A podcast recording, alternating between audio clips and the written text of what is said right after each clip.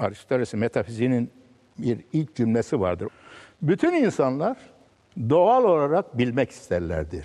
İkinci cümle de şudur. İnsanların özellikle iki duyularını yani görme ve işitme duyularını kullanmaktan duydukları zevk bunun kanıtıdır. Şimdi Türkiye'de felsefeye karşı biliyorsun bir korku var. Bir tabii felsefeciler dinsizdir derler. Bir de şu vardır. Herkes tabii aman felsefe bir bilimdir, bilimlerin anasıdır ama ne bilimdir? Yani felsefe bizim hayatımıza en fazla dokunan bir şeydir. Ahlak, siyaset, din, bilgi. İyi bir dinleyici iyi soru sorar. Şimdi insanlar 4-5 kişi falan bir araya gelirler. Hiç kimse kimseyi dinlemez. Dinlemez. Herkes bir sonra söyleyeceği şeyleri aklında tutar. Kurgular. Ve bunun söyleyeceği, yanındakinin söyleyeceği hiçbir şekilde onu enterese bile etmez. Yani ben mesela televizyonda hatırlıyorum bir zamanlar çıkardım işte. Ben mesela yanımda oturan konuşan bakardım adama ne diyor adam. Ve o adam bir şey söyleyecekse ve söylediği zaman da benim hakikaten beni ikna edecekse ben o zaman fikrimi değiştiririm. Yani iyi bir dinleyici konuyla ilgili merak eden bir adam dinler ve aklına gelen şeyi sorar doğru sorar. Ama bizim öbür taraf da şöyledir. Ben ne diyeceğim şimdi buna? Zaten bir şey söylemem lazım. Bir zaman yani dönekliği Mete'de bir makale Evet. yazmıştım. Taş dönmez, ağaç dönmez. Ağaç bile döner. Bazen güneşe döner, bazen rüzgara döner. Bu insan ya, o insan denilen şey değişmeli. Değişmiyorsa, aynı şeyler savunuyorsa normal değil bu. Onun için döneklik olmazsa demokrasi olmaz demiştim. Aynen öyle. Döneklik sayesinde demokrasi olur. Bir siyasi parti geçersin sen ama sonra vazgeçersin. Dönek tabii. olduğum için demokrasi işler. Demok- Şimdi o zaman birkaç tane genel şey söyleyeyim. Tamam. Aristoteles'e giriş yapalım yani. Tamam. Aristoteles tabii tırnak içinde söylüyorum. Bilimsel diyebilecek bir dünya görüşünün ilk ve en büyük temsilcisi. Tırnak içinde bilimsel diyorum. Platon'la Aristoteles karşılaştırması her zaman yapılır. Ünlü bir ortaçağ felsefe tarihçisi Platon'dan bahsederken der ki kendisi bir din olmamakla birlikte dine en uygun olan görüşler seslendiren adam Platon'dur. Nitekim daha sonra da Platonculuk denilen şey felsefe olduğu kadar mistisizme, teolojiye, ilahiyata kaynaklık etmiş olan bir şeydir. Özellikle Batı Hristiyan dünyasında. Biri nasıl ki bir din olmamakla birlikte dine en yakın olan temaları, görüşleri seslendiren adam, öbürü de bir bilim olmamakla birlikte bilime en uygun görüşleri seslendiren adam. Yani bilime en uygun de- görüşler derken spesifik olarak tıpla ilgili, coğrafya ilgili görüşlerini kastetmiyorum.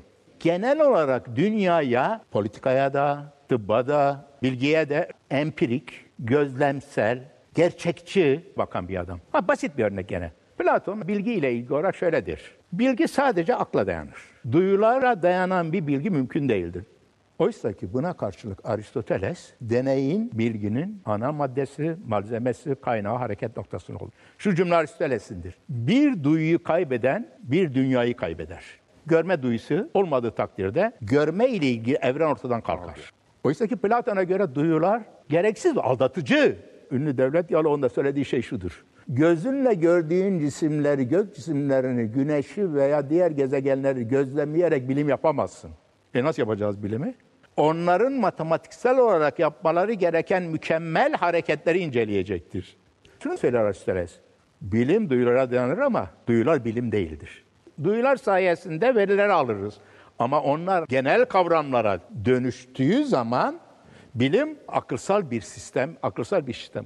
Aristoteles'in bilgi teorisi bu şekilde son derece bilime uygundur. Siyaset felsefesi Evet. son derece uygundur. Politikası olağanüstü bir kitaptır. Arada bir bir olay oluyor, düşünüyor. Bu Aristoteles'in kitabında vardı. Diyor ki demokrasi denilen sistem çok güçlülerle ve çok aşağıda olanlarla yapılamaz. Demokrasi için orta sınıfa ihtiyaç var. Şimdi çok yukarıda olanlar demokrasiyi sevmezler. Çünkü onlar özel muamele isterler. Şimdi Aristoteles ne diyor biliyor musun? Aşağı sınıfta demokrasi için gerekli olan karakter, güç, iradeye sahip değildir. Aşağı sınıflar çok aşağıdan bahsediyor tabii. Küçük hırsızlardır. Yukarıdakiler de büyük hırsızlardır. Bak Alkibiyades'te demokrasi olmaz. İskender'le de demokrasi olmaz. Güçlü adamlarla olmaz. Orta sınıf, orta insan. Yani hem kafi derecede emretmesini bilecek kadar basiretli, akıllı ve irade sahibi hem de gerektiğinde emir alacak ve o emirler uygulayacak. Olağanüstü bir şey bu. Aristoteles'in politikası bugün içinde bence geçerlidir. İşte bilim bu. Ve bir cümle daha sana söyleyeyim. Şimdi Aristoteles demokrasiyi iyi bir rejim olarak görmez. Aristoteles çoğulcudur, çoğulcu. Çoğulculuk modern dünyanın temel kavramıdır. Ahlaka gelelim. Platon der ki haz kötüdür. Eğer haz kötüyse bu kadar insan niye hazın peşinde koşuyor? Aristoteles der ki haz kötü değildir. Ama haz en yüksek erek değildir. İkisi birbirinden çok farklı. Ve biraz daha ileri götürür. İnsanlar davranışlarını haz elde etmek için yapmazlar. Bacaklar yürümek için yapılmış ve yürüme faaliyetini yerine getirmek için hareket ediyor. Haz elde etmek için hareket etmiyor. Tabiatın evrimindeki mantık haz değildir. Haz asıl amacın, faaliyetin sonucu olarak ortaya çıkan ödüldür. Ödüllerdir. Ama bu dünyaya elde mevcut bilgiler, elde mevcut tecrübeler, deneylerle akılsal, makul ve bilimsel olarak bakma demektir. Hareket etmesi gereken şeylerin elle tutulur, gözle görülür. İnsan deneyinin konusu olan bilgiler olması gerektiğini düşünen bir adam. Yani ben bir ilkeden, muhayyel bir ilkeden, felsefi bir ilkeden hareketle dünyayı kurmayı sevmem. Protagoras der ki insan her şeyin ölçüsüdür. İnsan olarak bizim tecrübelerimiz, birikimimiz, bilgimiz, deneylerimiz, duyularımız her şeyin ölçüsüdür. Platon nedir biliyor musun? İnanılmaz bir şey söyler. Hayır. Tanrı her şeyin ölçüsüdür. Şimdi Tanrı her şeyin ölçüsü dediğiniz andan itibaren dünyayı başka türlü kurarsınız. Tanrı olmaksızın dünya kurulur kurulmaz o ayrı bir mesele. Ama bilim bu değildir. Yani Tanrı her şeyin ölçüsü derken bilim kuramazsınız. Hukuk da kuramazsınız evrenin özellikle canlıların, organlarının bir takım işlevleri yerine getirmek için şekillendiği görüşü Aristoteles'in. Şimdi Aristoteles şöyle bakıyor. Ya bu göz açık değil mi? Görmek için yapılmış olduğu. Fakat şu var, Tanrı yapmıyor tabii onu. Aristoteles de o işi doğa yapar. Doğa bir sanatkar gibi iş görür. Bu da yüksek bir fikir. Çok yüksek. Öbür fikir de yüksek bir fikir. Yahu bir takım erekleri göz önünde tutarak tabiat davranmaz. Tabiatın tesadüfi, rastlantısal, çevresel, çeşitli faktörlerin etkisi içerisinde bir takım işlevmiş gibi görünen şeyler ortaya çıkar. Ve bunlar kendileri işe yarama, varlıklarına hizmet etme özelliklerine sahip oldukları için devam ederler. Bu ikisi de yüksek fikir. Canlılar aleminde benim kanaatime göre makul bir gaiyet ve makul bir ereksellik bu için de geçerlidir. Cansızlar aleminde böyle bir şey söz konusu değildir. Ay tutulmasını teleolojik bir açıklamayla, mekanist açıklarsın. Dünya güneşle ayın arasına girerek Ayın güneşin yöndeledi. ışıklarının ayın üzerine gitmesine engel oldu. Bu açık. Gaye güden bir varlık yok. Bizim doktorlarımızın çoğu bu ereksellik şeyini çok severler. Bundan da Tanrı'nın varlığına giderler. Platon var bir şey. Dünya 23 derece olmamış olsaydı mevsimler olmazdı. Mevsimler olmasaydı sıcak soğuk, sıcak soğuk olmasaydı vesaire vesaire. Bir gün benim yanıma bir Mardinli geldi. İmam bu. İlahiyatçıların başlarından savmuşlar. Benim yanıma geldi. Ne dedi dedim mesela? İşte bu meseleyi tartışmak istiyor. Ben de teori anlattım. Dedim bu ereksellik, organ, işlev meselelerinin mantığı budur dedi. Ve dedim bu konudaki argümanlar bu tür insanlar tarafından böyle savunulur. Yani bak işte uzak olmuş olsaydı Bars gibi şöyle olurdu. Merih gibi yakın olmuş olsaydı dünya yanardı. O eğim olmasaydı ekliptik eğilimi düzenine girmiş. Adam baktı bana. Yahu dedi sen bir tane dünyaya bakıyorsun. Öbür gezegenlere baksana. Böyle özel olarak tasarlanmış, düzenlenmiş, işe yarayan bir yapısı yok. Devam etti. Bildiğim kadarıyla milyarlarca yıldız var. Ve bu milyarlarca yıldız üzerinde de bizim dünyamızda gördüğümüz erekselliğe benzer bir faaliyet de görülmüyor. Bu nasıl bir ereksellik ve bu nasıl bir tanrı korumasıdır ki? Bir de dünyayı koruyor ama geri kalan bütün bu işler israf edilmiş hal. İsraf, israf dedi. Bir tek dünyayı yapmak için evrenin geri kalan bütün kısımlarında bunları uygulamamak epey israfçı bir durum dedi. Adam imamdı. Tabiat hakikaten müsriftir. Bir balığın milyonlarca yumurtası Aynı şey benim olur. de aklıma geldi. Birkaç tanesi yaşar. Yani o sauropodların mesela büyük dinozorlar var ya hocam. Onlar yüzlerce yumurta bırakıyorlar. Bin yumurtadan bir tanesi ergenliğe ulaşabiliyor. Biz böyle davranmayız. Daha tutumlu davranırız, daha işlevsel, daha fonksiyonel davranırız. Demokritos'tan itibaren atomcular çok değişik bir görüş müdafaa ediyorlar. Diyorlar bu tesadüf. İsraf da oradan kaynaklanıyor. Yunanistan Portekiz kadar küçük bir yer. Ama kıyıları çok geniş biliyoruz. Ancak nüfusunun üçte birini besleyecek kadar şey üretebiliyor. Bu rakamlar Will Durant'dan aldım. Medeniyet O tarihinden. Ünlü medeniyet tarihinden. E şimdi böyle olunca çok erken bir tarihte 8. yüzyıldan itibaren buradaki bütün Yunan siteleri ister istemez dışarıya göç gönderiyor biliyorsun. milletin 80 tane kolonisi var. Karadeniz'de ve Akdeniz'de. Foça'nın kolonileri var. Karadeniz'de biliyorsun kuzeyden güneye kadar bizim Türkiye'de dahil olmak üzere var. Hepsi o zamandan kurulmuş. E, İstanbul Megara'nın kolonisi. O da koloni, hepsi koloni. Hepsi koloni. Hepsi koloni işte. Yani toprak yetmiyor. Dışarıya göç yapıyor. Bu ülke denizci olmak zorunda. Denizci olursan istesen istemezsen merak etmek zorundasın. Nereye gideceksin sen? Nereye gideceksin? Denizlerde seyredeceksin. Merak. Ama Aristoteles daha da güzel bir şey söyler. Bilim hayretten doğmuştur der. Hayretin ortadan kalkmasıyla biter. Hayret ortadan kalkan bir şey değildir. Evet. Dolayısıyla bitmez. Neden dünya olduğu şekildedir? Benim babamın dünya neden olduğu şekildedir diye bir meraka sahip olduğunu hiç hatırlamıyorum. Çünkü dünyanın neden olduğu şekilde olduğu zaten bellidir. Ne demek istediğimi anlatabildim mi? Ve tabii ikinci bir faktör de bu hayreti tatmin etmek için boş zamana ihtiyaç vardır şey. Aristoteles. Onun için Mısır'da başlamıştır. Çünkü Mısır'da rahiplerin boş zamanları var. Biz boş zaman hakikaten boş zaman diye düşünürdük. Boş zaman diye bir zaman yoktur. Yok hocam İngilizcesi leisure. İşte onu söylüyorum. Leisure. Yani orada istediğini yapabileceğin Yani bir... o, biz biraz değiştirirsek boş zaman çalıştığımız zamandır. Oysa ki orada işte kendi merakımızı, kendi faaliyetlerimizi kendi istediğimiz şekilde zevkimize uygun bir şekilde geliştiririz. Burada bir saplama yapayım. Yani bilim bugünkü anla- bilim anlayışımızı icat eden Thales ve Anaximandros da milletin ileri gelenleri. Tabii, zengin tabii, adamlar. tabii. Ha, bunlar zengin Şimdi adamlar. ben, ben her zaman şöyle bir örnek veririm. İlk çağda Yunanlılar, modern çağda Batılılar. Başka dünyaya çok giderler. Yani Plotinos da gider, Platon Mısır'a gittiği söylenir, emin değiliz. Sicilya'ya gitmiş ama. Ha, Sicilya'ya gider. Osmanlı döneminde 16. 15. yüzyıldan itibaren işte yüzlerce seyyah, sefir, bilmem macera Türkiye'ye gelir. Ama bizden bir tane 1724 yılında 28 Mehmet Çelebi gider. Bir sene kalır, 11 ay Paris'te. Özel büyükelçidir. Ondan sonra geldiği zaman feryat figanla gelir. Şark hizmetine gider gibi gider. Yani bu işin içerisinde tabii ki başka faktörler de vardır. Bize merak mı eksik o zaman? Merak etmemiz için ne neden var? Merak etmen için bilmediğini, bilmek gerektiğini, bilinecek şeyler olduğunu düşünmen lazım. Yine ben babama örnek vereyim kimse incinmesin. Benim babamın bilmediği hiçbir şey yoktu. Şimdi de kardeşlerim biliyorlar. Şimdi benim kardeşlerime sorarsan benim bu bildiğim şeylerin hiçbir değeri yok zaten. E çünkü seninler zaten biliyorlar.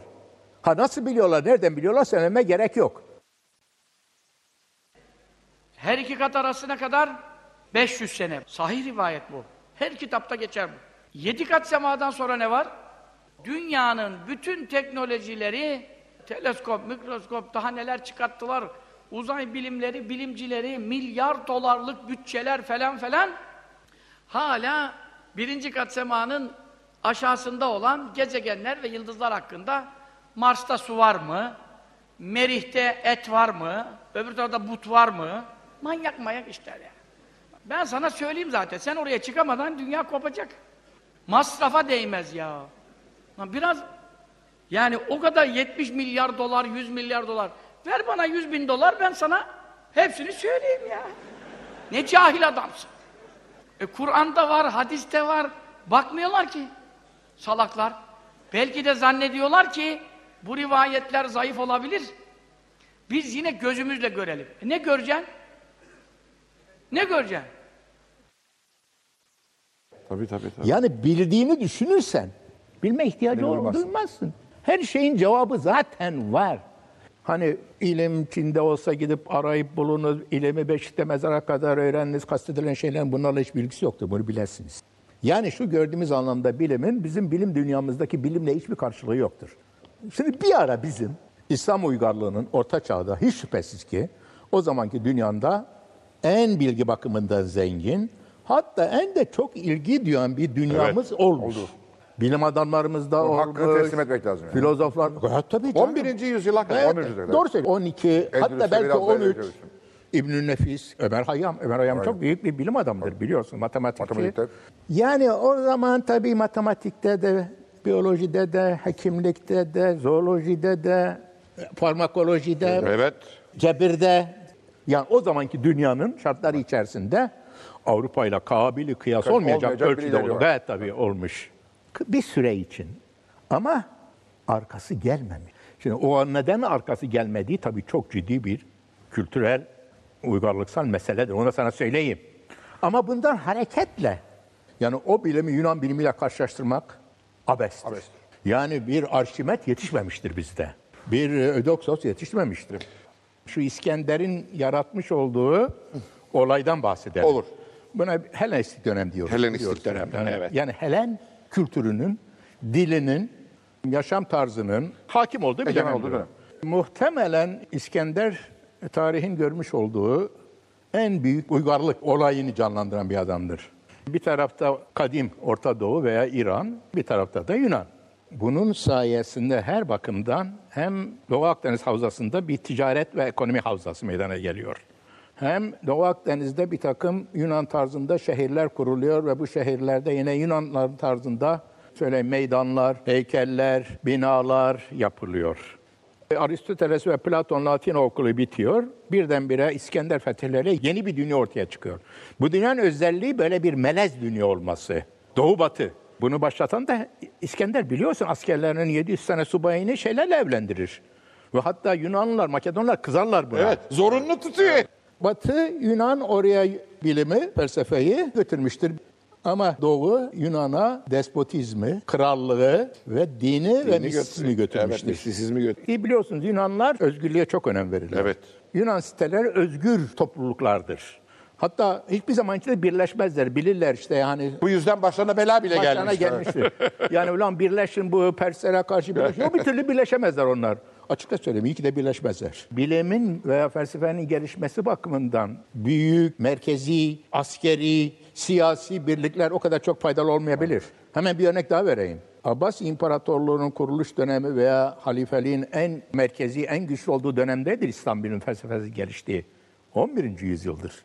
11. yüzyıl ise artık onların en ufak bir şekilde adı bile yoktur. Çünkü biliyorsunuz artık orada Fatimiler vardır, burada Samanoğullar vardır, burada Selçuklular vardır. İkisi birbirinden farklıdır.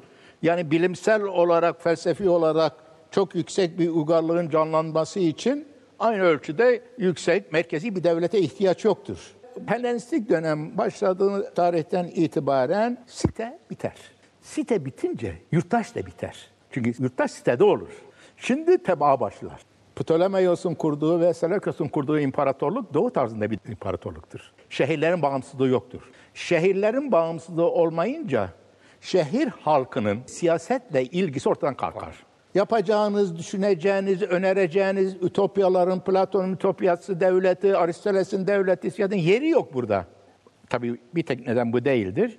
İnsanlar bu sefer birey olarak insanın büyük bir merkezi ve despotik imparatorluk içerisinde özgünlüğü kaybetmiş yurttaş olarak kaybetmiş imparatorluk içinde bireysel iyi yaşamasıyla ilgilenmeye başlarlar. İşte bu bireysel iyi yaşama etiktir.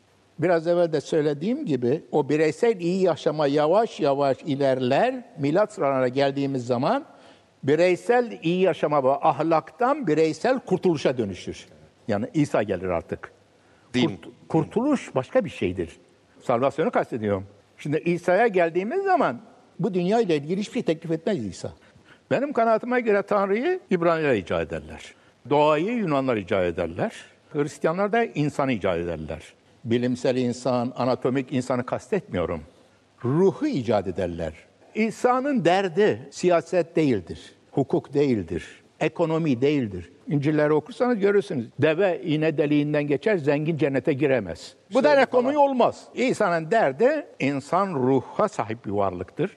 Yunanlar insan ruha sahip varlık demezler. Demiyorlar. Yunanlar insan akla sahip varlık derler.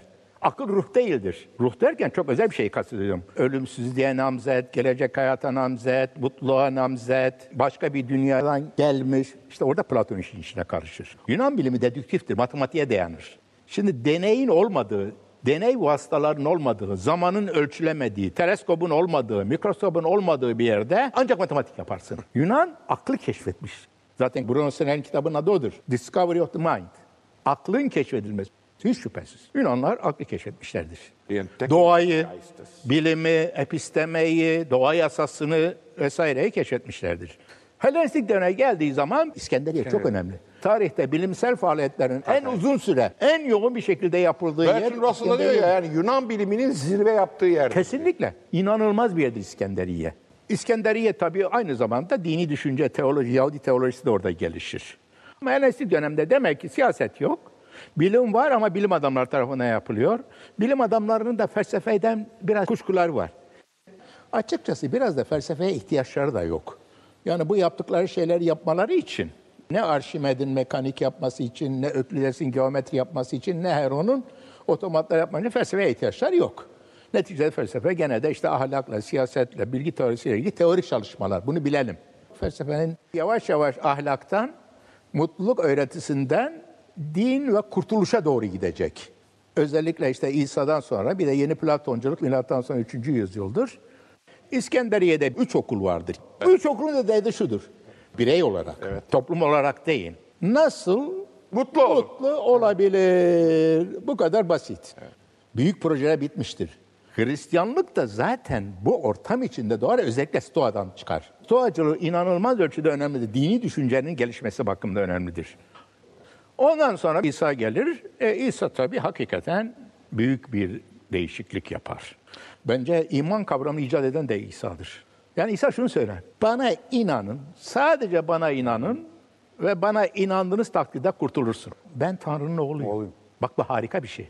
İman zaten bu kadar inanılmaz bir şey olduğu zaman imandır. Yoksa akla uygun şeyler söylüyorum. Ne güzel söylüyorum. E, bu iman değil ki. Mesela Jared Diamond dedi ki, iman da bir toplumun üyeleri birbirleri için ölecekler. Senin benim için, benim senin için öleceğime inanman için aramızdaki inanma bağını sağlayacak, teminatı olacak olan son derece absürt bir şeye İrrasyonel şeylere ihtiyaç var. Hani biz bazen söylüyoruz ya aman İslamiyet ne kadar akla uygundur. O İslamiyet'in akla uygun olması eğer uygunsa onun için bir üstünlük olmaz. Bilim akla uygundur. Ama bilimle dünyayı kuramazsınız. Dinle dünya kurulur.